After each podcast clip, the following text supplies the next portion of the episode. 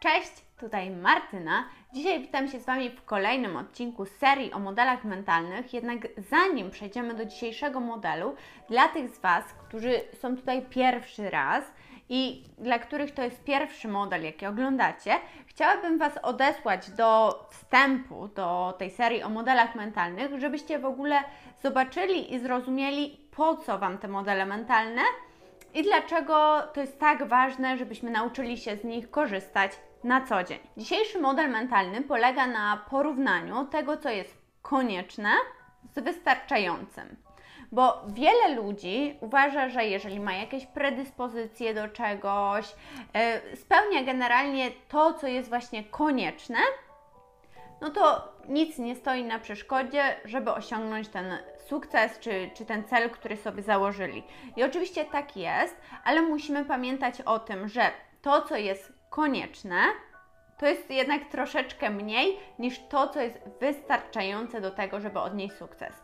Patrząc na to z takiego matematycznego punktu widzenia, moglibyśmy porównać to do dwóch zbiorów, w których zbiór rzeczy koniecznych zawiera się w zbiorze rzeczy wystarczających, który jest zdecydowanie większy niż ten zbiór konieczny. Pokażmy to sobie na przykładzie, który został opisany właśnie w książce o modelach mentalnych.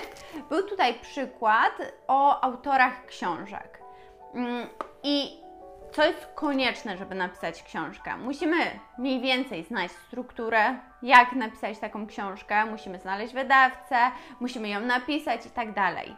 Ale te rzeczy, które są konieczne, nie czynią z nas J.K. Rowling E, nie czynią z nas osoby, która jest w stanie napisać taką historię, jaką jest Harry Potter.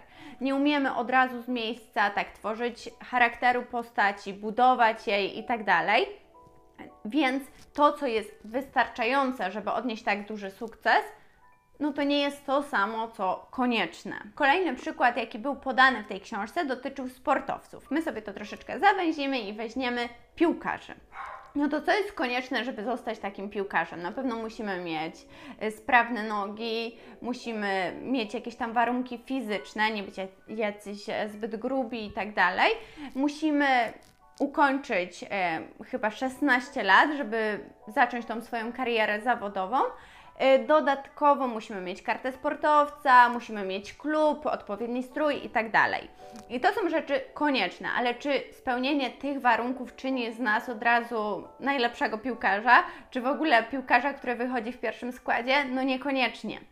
Bo żeby faktycznie odnieść e, sukces w tej dziedzinie, no to na to składa się mnóstwo różnych e, czynników. Musimy też ciężko pracować, pewnie musimy mieć też talent, musimy spełnić masę rzeczy, e, musimy mieć dyscyplinę. Ja nawet nie wiem dokładnie, co jest potrzebne, żeby zostać takim faktycznie piłkarzem, który odniesie sukces w tej dziedzinie, ale na pewno na to składa się bardzo dużo czynników i to nie są tylko i wyłącznie te, które są konieczne, żeby żeby zacząć grać. Teraz, jak to przenieść do naszego życia? Zatrzymajmy się na moment i popatrzmy na to, co robimy obecnie. Każdy z nas ma jakieś tam swoje cele, każdy z nas ma jakiś tam plan działania i zastanówmy się, czy robimy wyłącznie to, co jest konieczne, czy faktycznie dajemy z siebie 100% i wchodzimy w ten większy zbiór, jakim jest wystarczające. Czy moglibyśmy robić coś więcej? Czy może moglibyśmy zrobić jakiś większy research? Czy może jest jakaś tam dziedzina, w której możemy się jeszcze doszkolić i zwiększyć nasze szanse na odniesienie sukcesu? Musimy sprawdzić, czy na pewno robimy więcej i bardziej efektywnie, przede wszystkim niż nasza konkurencja. Jaki tutaj wysuwa nam się jeden z takich największych i najważniejszych wniosków? Wniosek powinien być taki, żeby zwiększać swoją świadomość i zwiększać to, czego nie wiemy. Bo jak zaczynamy coś robić, to mamy masę pytań, nie wiemy nawet o co zapytać, nie wiemy czego nie wiemy. No i to jest właśnie ta sfera początkujących. A jak zwiększamy swoją wiedzę w danej dziedzinie, powiększamy ją, stajemy się bardziej świadomi, to wiemy, czego nie wiemy i w jakich e, aspektach musimy się douczyć. I to właśnie chodzi o to, żebyśmy jak, naj, jak najszybciej zdobyli tą świadomość. Często słyszy się też, że żeby odnieść sukces finansowy, to trzeba mieć szczęście. Żeby stworzyć jakiś tam dobrze prosperujący biznes, to musimy mieć szczęście. I pewnie to szczęście się przydaje, ale to jest bardzo duże uproszczenie myśleniowe, co jest błędem, bo nie wystarczy mieć szczęścia.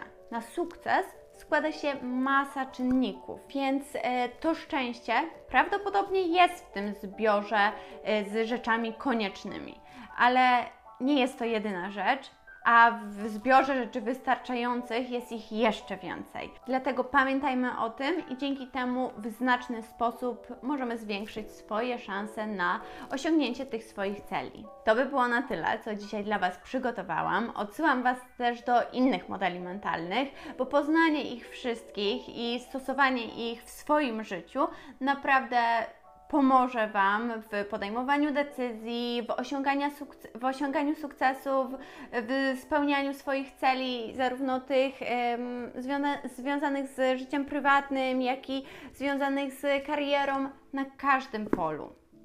Dziękuję Wam bardzo za dzisiaj. Widzimy się w następnym filmie. Do zobaczenia. Pa!